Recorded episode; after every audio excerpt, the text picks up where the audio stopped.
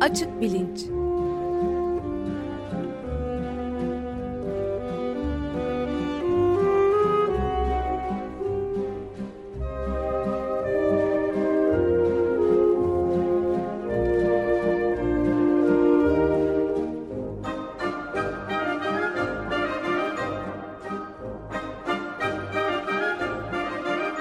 Güven Güzeldere ile bilim ve felsefe sohbetleri.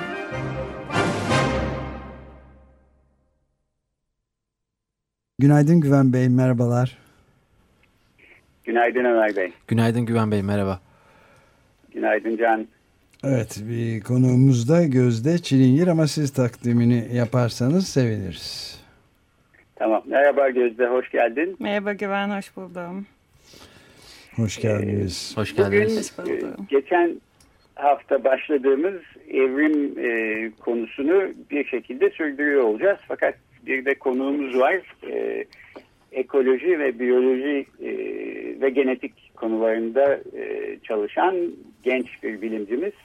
Ben hemen kendisini tanıtayım. Gözde Çilingir e, lisans eğitimini İstanbul Teknik Üniversitesi'nde moleküler biyoloji ve genetikte yaptıktan sonra e, Orta Doğu Teknik Üniversitesi Biyolojik Bilimler'de yüksek lisans e, yapıyor ve yüksek lisans çalışmaları sırasında genetik örnekleme ile Türkiye'deki boz ayıların e, filojeni ve filocoğrafyası üstüne bir araştırma yapıyor. Daha sonra e, boz ayılardan başka tür e, canlılara doğru geçip e, Güneydoğu Asya'da yaşayan ve nesli tehlike altında olan bazı tatlı su kaplumbağaları üzerine genetik çalışmalara başlıyor doktora çalışması için. E, Singapur Ulusal Üniversitesi'nde bu çalışmalarını yapmakta ve doktora tezini e, tamamlamak üzere. Kendisiyle e, şuradan e, konuşmaya başlayalım diye ben düşündüm. E, Gözde sana şunları sorarak istersen programa girelim.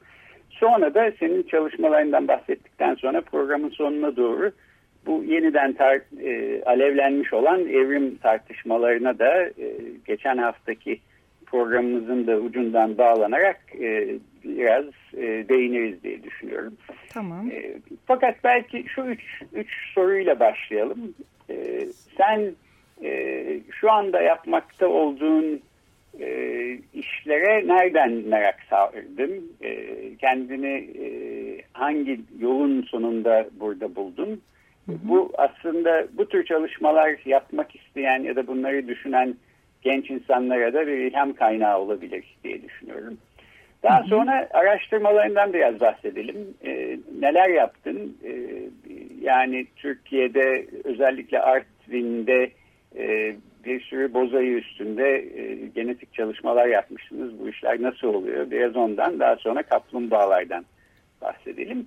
Daha sonra da bu tür işler yapmak isteyen genç insanlara e, tavsiyelerin varsa söylemek istediğin şeyler e, böyle olsun. Tamam. E, bir, de tahmin ediyorum bu aralar e, sana en çok e, sorulan soru e, tez, tez nasıl gidiyor sorusudur. ben o soruyu sormayayım çünkü tez zaten işte dura kalka bir şekilde gider. Teşekkür gider. ederim çok sağ ol. E, ama onun yanı sıra e, eminim şöyle bir soru da sana çok e, sık e, senin karşına çıkıyordur.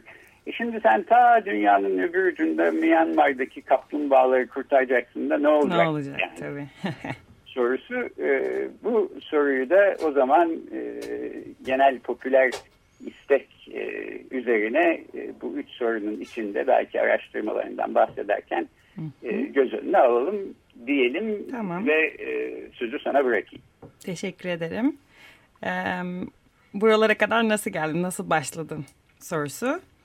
Aslında hani şey kaplumbağalara özgü bir hevesim falan yoktu hiç. Hani genelde insanlar öyle bir hikaye bekliyor. Küçüklüğümden beri kaplumbağaları çok seviyordum işte. O zamanlardan beri araştırıyordum falan.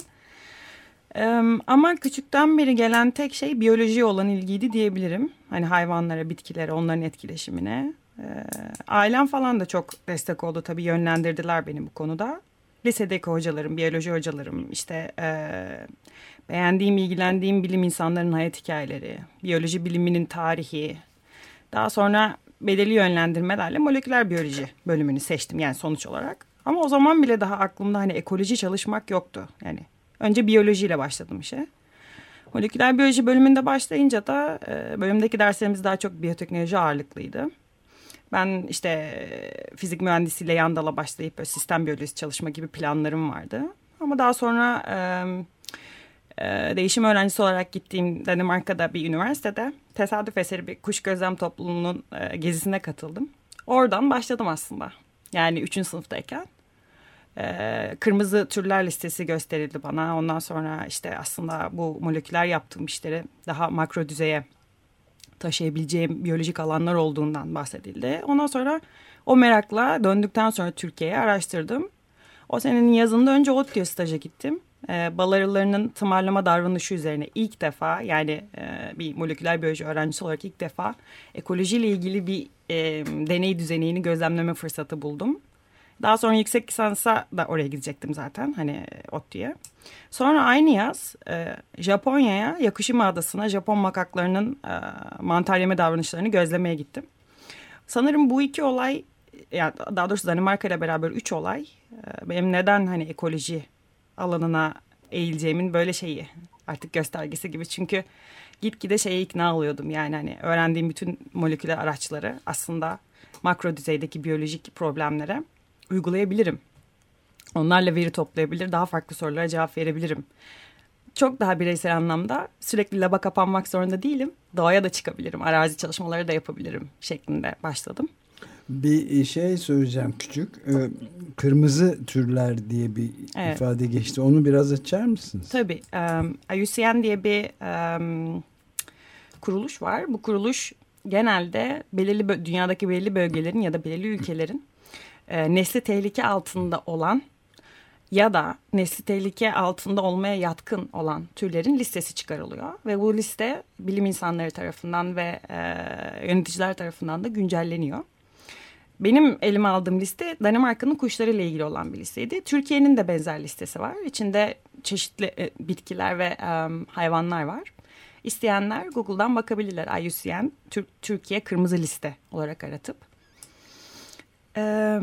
Ve bu tabi giderek kızaran ve endişe verici bir hal alanda bir listeler bütününden bahsediyoruz. İşte evet. biraz önce Güven Güzelder'in de bahsettiği yani altıncı büyük yok oluşun evet, aynen. içinde girmiş olduğumuzu söyleyen yani artık milyarlarla ifade edilen türlerin kaybolmasından bahsedilen bir dünyadayız.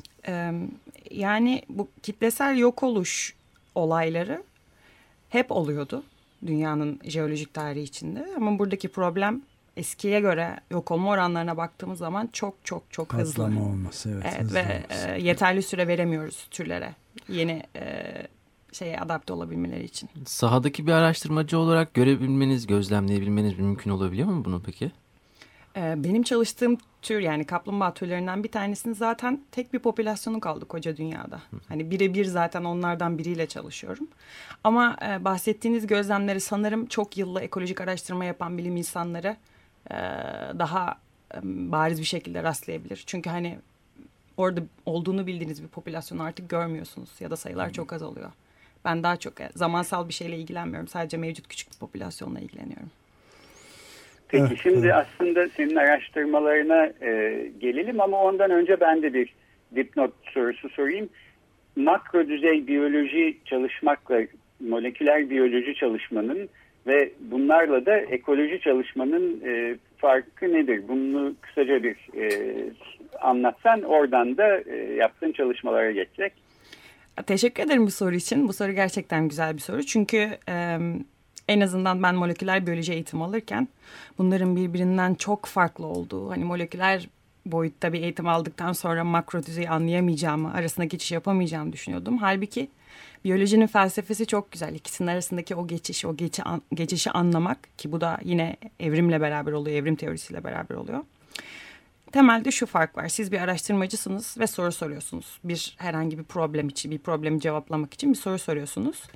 Mikro düzeyde biyolojide sorduğunuz sorunun ölçeği ve o soruyu cevaplama yöntemleriyle makro ölçekte bir problemin e, sorunun cevaplama yöntemleri farklı. Mesela e, diyelim ki moleküler biyoloji labında işte mikropipet yani öğrenci bazında yani öğrenci gibi düşüneyim. Mi, mikropipet kullanarak hani ufak bir deney düzeniniz var ve onun üzerine deneyler yapıyorsunuz. Makro düzeyde bir biyoloji içinse mesela herhangi bir ekosistem için mesela göl ekosistemi diyelim. Göle gidiyorsunuz, daha büyük araçlar kullanıyorsunuz. Farklı ekosistemler tanıyorsunuz, farklı insanlar tanıyorsunuz. Öteki türlü hani sadece labın içindesiniz gibi. Yani e, benim için aslında uzamsal düzeydeki heterojenite şeydi e, makrobiyolojiye geçmek için. E, itici etkendi. Evet. Ne demek uzamsal? Yani e, şöyle söyleyeyim. Çalışmanızı yaptığınız yerde görebileceğiniz değişiklikler. Yani bir laboratuvar ortamı ya da bir orman ya da bir nehir. Evet. Bu. Peki e, şey e, lisans çalışmandan sonra yüksek lisans için Orta Doğu Teknik Üniversitesi'ne gittin. Evet. Ee, orada boz ayılar üstüne bir e, genetik çalışma yaptım. Bana hı hı. gönderdiğin makale ki ben bunu e, Açık Bilinc'in Twitter sayfasından da paylaştım. Hı hı. E, makalede gördüğüm kadarıyla e, dünyada çok geniş bir coğrafyaya dağılmış boz ayılar e, üstüne bir analiz var. Evet. E, Kafkaslardan e, tut işte İspanya'ya, Tibet'e kadar uzanan bir coğrafyadaki boz ayılara bakılıyor. Siz de sizin ekipte e, Türkiye'den 35 boz ayının e, genetik yapısına bakmış. Bunların çoğu da Artvin bölgesinden. Evet. Birazcık bundan bahsetsen. Yani bir boz ayılar aslında e, evcil hayvanlar değil. E, evet. E, kardeş ben biraz DNA alacaktım. Şurada iki dakika bir alıp çıkacağım e, deyip herhalde DNA toplanmıyor. E, ne tür bir e, yöntem izleniyor ve çalışmada ne bulmuş oldunuz e, en sonuç olarak? Um bahsettiğiniz gibi böyle hani büyük memeliler ve kolay yakalanmayan hayvanlar için e, hayvanlardan direkt e, doku örneği almak ya da kan örneği almak kolay değil çünkü yakalamak zor. Ben e, master tezimde, yüksek lisans tezimde girişimsiz genetik örnekleme yöntemlerini kullandım. Bu ne demek? Bir hayvandan e, hayvanı görmeden ya da hayvana dokunmadan DNA örneği almak demek girişimsiz örnekleme. Bunun da belli kaynakları var. Mesela örneğin e, dışkı ya da hayvanın e, kılları. Ağaç çünkü şey e, bozayılar ağaçlara falan böyle sırtlarını kaşıyorlar. Hani orada kıl bırakabiliyorlar ya da işte kıl tuzağı kuruyorsunuz. Önün şey ortasına hayvanın ilgisini çekecek kokuda şeyler koyuyorsunuz. Hayvan oraya geliyor. E, tellere sürünüyor ve kıllarını bırakıyor falan. Bu, bu, bu çeşit yöntemlerle hayvanı aslında birebir yakalamadan ya da hayvana dokunmadan DNA örneği çıkarabiliyorsunuz. Biz de e, boz ayılar için bunu kullandık. Tabii e, beraber çalıştığım bilim insanları e, Orta Doğu Teknik Üniversitesi'nde Hüseyin Ambar'la mesela hani e, senelerce ayı örneği toplamıştı. Yani o aslında o şeydi de ayıları birebir yakalıyordu da onun soruları başkaydı. Onlardan bulduğu örnekler işte ayı postları hani direkt şöyleydi. Soruyorduk hiçbir yerlerde ayı postu biliyor musunuz? İşte lütfen araziye bir yerlere gidiyorsanız birilerine sorar mısınız ayı postu var mı etrafta? Ya da başka bir yerdeyseniz ayı dışkısına benzer bir şey gördünüz mü? Bu şekilde bir sürü örnek topladık. Daha sonra da e, onlardan ben mitokondriyal DNA çıkardım. Ana soylarını çıkarmak için. E, mevcut literatürde sizin de bahsettiğiniz gibi hani dünyanın hemen her yerinden yani birçok yerinden bilgi vardı literatürde. Bizim ilgilendiğimiz mitokondriyal DNA bölgesi için ama Türkiye'den bu veri eksikti. Benim yüksek lisans tezi çalışmamda o eksikliği doldurdu. Bu neden önemli? Ee, şimdi ayılar işte nesli kritik tehlike altında değil genel olarak hani bütün boz ayılara bakacak olursak ama bazı popülasyonlara bakacak olursak özellikle Türkiye'dekilere azalan bir e, gidişat var. Yani sayıları bayağı hızlı azalıyorlar. E, dolayısıyla biz neyi koruyacağız ve nasıl koruyacağız sorusunun cevabını bu genetik çeşitliliğe bakarak, genetik çeşitliliğin coğrafyada nasıl yayıldığına bakarak ya da nasıl değiştiğini anlayarak e, neyi nasıl koruyacağız sorusunun cevabını verebiliyoruz. E, çok büyük ölçekte benim tezim buna yaradı. Onun dışında bulgularımız e, daha önce hmm, literatürde olmayan bir ana soyu Türkiye'nin e, doğusundan. E, ya da işte İran diye daha önce bilinen bir soyunda devamı, Türkiye'den olan bir devamını bulmuş olduk. E, yapılacak daha çok iş var bu konuda. Çünkü bahsettiğim şey sadece mitokondriyal DNA'nın ufak bir kısmındaki bilgiydi. Ama bu bilgiyle bile Türkiye'de Türkiye'den geniş çapta e, bozayı örneği toplamanın önemini göstermiş olduk. Peki şimdi e, ise e, Ulusal Singapur Üniversitesi'nde tatlı su kaplumbağaları üstüne çalışıyorsun. Evet. Şu aralar e, İstanbul'dasın, Türkiye'desin. Hı hı. Kısa bir tatil için bir yandan da tezini e, bitirmekle meşgulsün. Evet. E, kendini Singapur'da nasıl buldun? Tatlı su kaplumbağaları üstüne yaptığın çalışmalardan da biraz söz eder misin? Tabii. Um, dediğim gibi um, şey um, daha önce bahsettiğim Japonya arazi çalışmasından sonra ben uzak doğuya hep uh, gitmek istedim aslında daha sonrasında. Singapur özelinde de bir ilgim yoktu ama Singapur'un burs olanakları iyiydi. Ee, oradan e, devletin verdiği burslara kabul alınca hoca aradım benim ilgi alanlarımla ortak ilgi alanı olan bir hoca laboratuvar. Daha sonra kabul aldım ve e, hocam da bana elimde şöyle şöyle projeler var. Ne yapmak istersin diye sordu. Ben de moleküler yöntemleri kullanarak koruma yapmak istiyorum. Koruma bilimi ile uğraşmak istiyorum dedim. O, o da bu e, Myanmar'daki kaplumbağalardan bahsetti bana. Aslında ben kaplumbağayı değil Myanmar'ı seçtim dürüst olmak gerekirse. Yani hani e, araziye Myanmar'a gidecek olmak bana çok heyecan verici geldi. Kaplumbağalarla aslında işim böyle başladı. Ama şimdi kendilerini seviyorum. konuya gelecek olursam hani Myanmar'daki Myanmar'ın önemine kaplumbağa korumadaki önemine gelecek olursam Şimdi bir kere e, dünyadaki tüm kaplumbağa türlerinin yarısından fazlası tehlike altında bunu biliyoruz. Ve bu tehlike altında olan türlerin yüzde seksen kadarı da Asya. Asya'da yaşıyor, Asya'dan e, geliyorlar. Dolayısıyla Asya bölgesinde kaplumbağa koruması olayları üzerine çalışmanın diğer koruma örnekleri, diğer koruma bilim örnekleri için önemi büyük. Kaplumbağa koruması için tabii özelinde. E, Myanmar'daki olay da şuydu. Myanmar endemik yani dünyada başka hiçbir yerde olmayan sadece Myanmar'da olan bir kaplumbağa türü var. Burma çatılı kaplumbağası. 1945'lere ya da 30-40'lara kadar hayvanların yoğun bir şekilde Myanmar'ın nehir sistemlerinde bulunduğu biliniyor. Fakat daha sonra 2002 yılına kadar bu hayvanlardan herhangi bir kayıt alınamıyor doğada. Ve diyorlar ki doğada bu hayvanın türü e, soyu tükendi büyük ihtimalle. Bilim insanları böyle söylüyor. Daha sonra tesadüf eseri bir tapınağın havuzunda bir çift bulunuyor bir erkek bir dişi. Diyorlar ki belki yakınlarda bir popülasyon da vardır. Sonra işte bir tane ölü kaplumbağanın kabuğu bulunuyor. Yani bildiğiniz böyle ufak ufak ufak ufak o doğada son olarak kalmış popülasyonu yaklaşılıyor. Ve en sonunda koca türden e, 50 kilometrelik bir nehire sıkışıp kalmış ufacık bir popülasyon kaldığı anlaşılıyor. Kaç tane kalmış? E, o, işte, o benim doktora tezimin konusuydu. Evet. Çünkü olay şu, o popülasyonun orada olduğunu biliyorsunuz, onu da şeyden biliyorsunuz. E, bu hayvanlar e, nehir kenarındaki sahillere çıkıp yumurtluyorlar. Yumurtaları topladığınız için diyorsunuz ki burada bir popülasyon var ama sayıyı sayamıyorsunuz. Çünkü hayvanlara dokun, dokunmuyorsunuz. Gelmezler evet. bir daha diye. E, senelerce bu şekilde dişilerin e, sahillere gömdüğü yumurtaları orada çalışan sivil toplum kuruluşları topluyorlar ve esaret altında onları yetiştiriyorlar o hayvanları. 10-11 senelik çalışmanın sonunda bu şekilde birkaç tane sahilden toplanmış yumurtaların yumurtalardan çıkan bireylerin sayısı 600'ü geçiyor.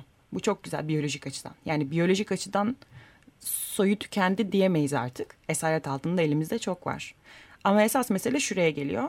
Yabanda peki Yabanda, kaç tane kaldı? Evet, tabii. Ee, bu hayvanlara dokunmadan biz bunu sayabilir miyiz? Ve bu elimizdeki 600 tanesinin bir kısmını yabana geri göndermek istiyoruz. Hang, hangilerini göndermeliyiz? Nasıl bir strateji uygulamalıyız? Benim doktora tezimin çıkış noktası bu. Ee, bu soruların cevabını e, genetik metodlar kullanarak, işte e, moleküler yöntemler kullanarak bulabilmek. Sert altındaki o yavruların diyeyim ya da bireylerin e, dokularını topladım. Daha sonra e, nükleer DNA'larında nükleer DNA'larının yüzde iki buçuk kadarını diziledim. Daha sonra da bunları birbiriyle karşılaştırıp kaç tane e, yani elinizde mevcut bireyler var diyelim. İşte 300 tane birey var elinizde. Bu bireyler kaç tane anne ve babadan gelmiş olabilir? istatistiksel olarak hesaplayabiliyoruz. Genomlarının bu kadarlık bir kısmına bakıyor bile olsak. Benim hesaplamalarıma göre bütün bu, bu e, bireyler en fazla 3 dişi 4 erkekten geliyor. E, gözlemlere göre şey diyorlardı hani bir sene içerisinde yaklaşık 10 tane yuva yuva buluyoruz. Herhalde 10 tane dişi olsa işte 20 tane de erkek olsa falan deniyordu önceden. Ama moleküler yöntemler gösterdi ki sonuç çok çok, çok evet daha kötü daha onlar için. Vahim, vahim evet. bir durum. Peki ben bir de şeyi de bu arada bir küçük parantez e, esaret altındakilerin bir kısmını sonra yabana bırakıyorsunuz. Evet. E, adaptasyon olabiliyor mu yoksa o da bir ayrı bir problem mi? E, tabii e, işte aslında bu şöyle çok uzun süreli bir çalışma. Hani ben seçtim bu bireyleri hadi salalım gibi olmuyor.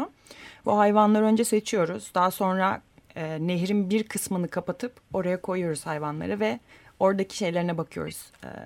Hmm, vücut ağırlık değişimlerine yapabiliyorlar mı, beslenebiliyorlar mı kendi kendilerine, ne kadar yüzüyorlar. Sağlık durumlarını kontrol ediyoruz. Belirli kıstasları sağladıkları zaman da tamamen doğaya salıyoruz ve üzerlerine verici takıyoruz tabii bazılarının. Bu sayede seneler birkaç sene boyunca bu hayvanları takip edip ölüm ve hayatta kalma oranlarını bulup adaptasyonlarına dair fikir elde edeceğiz. Ama şu an için Daha bilmiyoruz. Çok acayip, evet. çok ilginç bir konu. Yani gerçekten. ben de bundan şunu anlıyorum. Doğanın kendi başına e, son derece düzenli bir şekilde giden dengesi bir kez bozuldu mu bunu e, ne kadar ihtimamla insan eliyle yeniden kurmak, tesis etmek konusunda çalışsak, çabalasak da her zaman başarılı e, olmak mümkün değil ve bu çok zor bir şey. Dolayısıyla bu evet. dengenin korunması herhalde hayati öneme sahip. Evet. Ben bir de şunu sormak istiyorum. Bu kaplumbağalar üstüne yaptığım çalışmanın içeriği e, yakında yayınlanacak bir makalede var. Hı hı. Bu makaleden görüyorum ki e, Singapur Ulusal Üniversitesi ile birlikte çalışan iki kurum daha var. Bir tanesi evet. kaplumbağa Sağ Kalım Birliği, hı hı. diğeri de e, Yaban Hayatı Koruma Derneği hı hı. diye herhalde Türkçe'ye çevirebiliriz. Evet. Bunlar sivil toplum kuruluşları olsa gerekler. Evet. Ee, biraz bundan da bahseder misin? Çünkü Türkiye'de de bu tür ekoloji çalışmaları yapanlar ya da yapmak isteyenler için sivil toplum kuruluşlarının herhalde önemli olduğunu söyleyebiliriz. Bu tür işbirlikleri e, ne dikkat etmek e, gerek e, olsa gerek. Kesinlikle çok çok güzel bir nokta. Güneydoğu Asya'dan yola çıkıp hani Türkiye'ye gelecek şekilde yorum yapayım ben buna. E, en azından Myanmar için söyleyebilirim ki akademi ve e, sivil toplum kuruluşlarının ortak çalışması olmasa oradaki doğa koruma projelerinin yüzde 95'i gerçekleşemezdi. Çünkü e, mesela Myanmar gibi devletin varlığının çok e, hissedilmediği ülkelerde sivil toplum kuruluşları oraya gidip e, devletle bilim insanları arasındaki köprüyü kuruyor. Ya da devletten kime ulaşabilirseniz. Şimdi ben e, Singapur'da doktora öğrencisiyim. Myanmar'a gelip şu şu şu soruların cevabını aramak istiyorum diye gidip izinlere başvursam imkansız. İmkansız. O iznin bana çıkması ama orada 10 yıldır çalışan sivil toplum kuruluşları var. İşte e, tabii bunlar sadece bu kuruluşlar sadece kaplumbağalarla da ilgilenmiyor. Oradaki e, primatlarla ilgilenenler var e, ya da fillerle ilgilenenler var. Çeşitli organ, organizma gruplarıyla ilgilenenler var. Dolayısıyla devlet güvenebildiği bir e, kurum olduğu zaman diğer bilimsel projelere de daha yak, yak, yakın e, bakıyor. Daha e, nasıl desem destekleyici bakıyor. Sivil toplum kuruluşları bir projeyi başlatıyorlar orada. Mesela kaplumbağalar için biyolojik koruma diyelim. Hayvanların sayısını arttırma. Ama işin içine akademi bilim girdiği zaman da sizin izin almanız ve sizin oradaki güvenliğinizi onlar sağlıyorlar. O yüzden hayati yani e, Güneydoğu Asya için STK'ların alanda çalışıyor olması. Türkiye'ye gelecek olursam da özellikle ekoloji ya da evrimsel biyoloji ile ilgilenen e, genç öğrencilerin doğa koruma ile ilgilenen sivil toplum kuruluşlarındaki insanlarla tanışmasını tavsiye ederim. E, işte sivil Türkiye'de doğa korumaya uğraşan sivil toplum kuruluşları dediğimiz zaman ilk akla e, WWF geliyor. Yaban hayatı e, Türkçesi ne oluyor tam olarak? Um, Doğal Hayatı Koruma Derneği. Ha, Doğal Hayatı Koruma Derneği gibi. Onun da Doğa Derneği var. E, Doğa Koruma Merkezi var Ankara'da. E, bu, bir, bir sürü STK var işin özü. Orada çalışan insanlarla, orada proje yöneten insanlarla gençlerin tanışması, bu olayları anlaması yani alanda koruma yapabilmenin zorluğunu anlaması açısından çok hayati. Evet son dakikalara geliyoruz artık programda. Ee, bir de tavsiyeler ve evrim meseleleri kaldı galiba değil mi Güven? Evet ben e, evrim konusunda şu soruyu sorayım oradan da belki e, genç bilimcilere neler söylemek istersin diye programı kapatalım. E, bu evrim tartışması yeniden alevlenince e, sosyal medyada Üsküdar Üniversitesi rektörü olan Nevzat Tarhan e, isimli bir kişinin bir e, tweet'i gündeme düştü. Burada dokumacı kuşu olarak bilinen ve e, Gözde senin aslında çalıştığın Güneydoğu Asya hı hı. E, kökenli bir kuşun çok güzel örmüş olduğu yuvasında bir fotoğrafını paylaşmış Profesör Nevzat Tarhan ve diyor ki kendi yuvasını mükemmel ustalıkla ve ince sanatla yapan küçük kuşun yüksek zekası evrim teorisini çürütmüyor mu? Yok. Ee, şimdi biyoloji psikiyatri profesörü Nevzat Tarhan hem de rektör. Biyoloji de psikiyatriden çok uzak bir e, bilim dalı değil. Hı. Fakat evrim kuramı konusunda hiçbir fikri yok değil mi? Çok yanlış fikirleri var. Herhalde öyle demek lazım. Ee, bu soruyu senin kaplumbağalar için de herhalde sormak mümkün. Yani kaplumbağaların e, kabuklarına bakıp ya da işte yaptıkları güzel şeylere bakıp hı hı. Bu yaptıkları e, mükemmelce yaptıkları şeyler evrim teorisini çürütmüyor mu diye sorabiliriz. Buna ne cevap e, vermeli? Ee, bir kere öncelikle e, evrimin inanmayla ya da inanmamayla açıklanabilecek hiçbir tarafı yok. Evet. Yani onu evet yani bazı olgu ya mantıksal hatalar var genelde evrim karşıtı görüşlerde ve yani bunları duyduğunuz zaman nasıl yanıt vereceğinizi de bilemiyorsunuz. Çünkü temelden yanlış. Yani hani kurduğu argümanlar yanlış. Dayanakları yani. E şimdi o tweet'e bakacak olursak e, mükemmel zekası zaten hani nasıl tanımlıyoruz onu o da ayrı bir şey. E, evrimi çürütmüyor mu evrim teorisini? Hayır. Aksine e, doğruluyor. Doğru yani evet evrimin bir göstergesi bir bu da. Çünkü inceleyip bakmak lazım. Mesela o o e, kuş özelinde bilmiyorum ama çardak kuşu diye bir kuş var. Papua Yeni Gine taraflarında. Çok değişik bir e, seksüel seçilim e, şeyi izliyorlar. İşte erkek dişiye şeyler e, böyle renkli renkli bulabildiği şeyleri böyle çardak gibi bir şey kuruyor çalılardan. Renkli renkli böyle taştır, işte camdır, boncuktur onları da e, o şeyin önüne koyuyor. Kurduğu çardağın önüne. Dişi seçimini yapacağı zaman o çardağın içine giriyor. Erkek o, onların önünde dans ediyor. Dişi de ona göre seçimini yapıyor. İşte buna da bakıp diyebiliriz ki bu kadar akıllı bir hayvan işte gidip özellikle mavileri seçmiş koymuş. Evrim teorisini çürüt, çürütmüyor mu? Hayır çürütmüyor çünkü incelediğimiz zaman bakıyoruz ki orada şeyi anlayabiliyoruz mesela perspektif olarak erkek dişiye oyun oynuyor aslında. İşte belirli kendi tüylerine göre daha kontrast renkteki taşları toplayıp belirli bir oranda dizdiği zaman kontrollü deneylerle gösteriyorlar ki erkek dişinin onu e, işte etrafı koyduğu dekorasyonlarla daha renkli görmesini sağlıyor. Aslında dişiyi kandırıyor. Yani biz bu mekanizmayı açıklayabiliyoruz. Bunun nasıl evrildiğini, nasıl değiştiğini ya da başka organizmalarda bunun nasıl farklı olduğunu gösterebiliyoruz. İşte dediğim gibi ve bu da evrimin, birebir evrim teorisinin gerçek olduğunun kanıtı aslında. Yani siz oradan çıkıp bakın bu ne kadar güzel, böyle güzel bir şey e, tamamen rastlantısal şekilde olabilir mi diye bir soru sorarsanız bu mantıksal olarak yanlıştır zaten. Kaplumbağalara gelecek olursam benim yapmaya çalıştığım da zaten onların evrimsel potansiyelini elimizde ne kaldıysa korumak. Yani e, evrimin ham maddesi genetik materyaldir. Ben de oradaki genetik çeşitliliği koruyarak onların bir ileriki e, ileriki şeylere, ileriki yıllarda evrimsel potansiyelini korumaya çalışıyorum. Yani şimdi aman ne kadar güzelmiş bu rastlantısal mı oldu diyeceğimize şu anda biz onlara ne e, yapabilirsek evet. aynen onu korumaya çalışıyoruz. O yüzden e, yani şaşırmıyorum da aslında böyle yorumlar ama onu da söylemem gerekir yani. Evet, tabii yani Güven Güzeller'in son sorusu da yani o da önemli. Bu işlerle uğraşmaya git, git, gitgide daha da önem kazanıyor gibi evet. bütün anlatılanlardan. Çünkü ciddi bir tehlike altında canlılar Kesinlikle. alemi ve insan medeniyeti de. Hı hı e, bu bu alanda çalışmak isteyenlere tavsiyeler sadece bir dakikamız var. Tamam. E, bu alanda çalışmak isteyen tavsiyelerim şey, bu alanda çalışmış bilim insanlarını ya da aktivistlerin hayatlarını okuyabilirler. E, bu koruma biliminin tarihiyle ilgili bir şeyler okurlarsa da eminim e, çok fazla onlara ilham verecek olay ve kişi vardır. E, evet. Çok teşekkür ederiz valla. Ben Güven Bey sizin söyleyeceğiniz bir şey var mı? E, ben de öncelikle teşekkür edeyim. Ta Singapur'dan İstanbul'a kadar gelip e, konuğumuz oldun.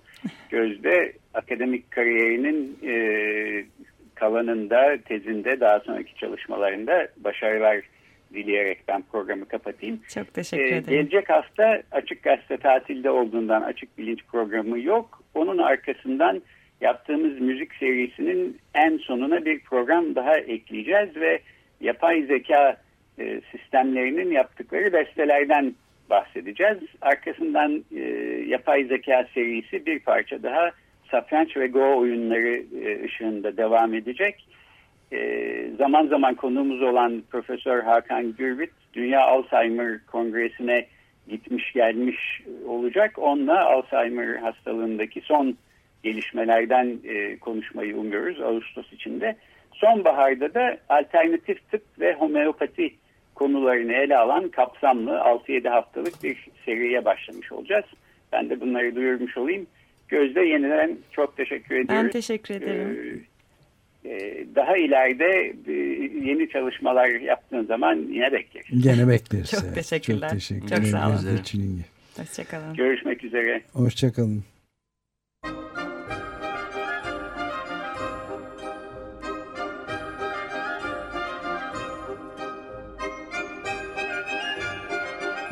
Açık Bilinç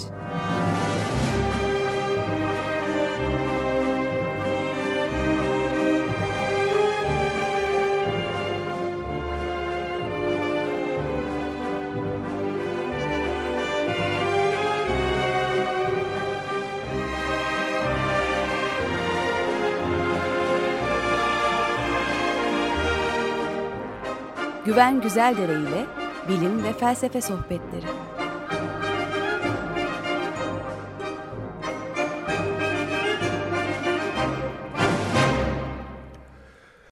Açık Radyo program destekçisi olun. Bir veya daha fazla programa destek olmak için 212 alan koduyla 343 41 41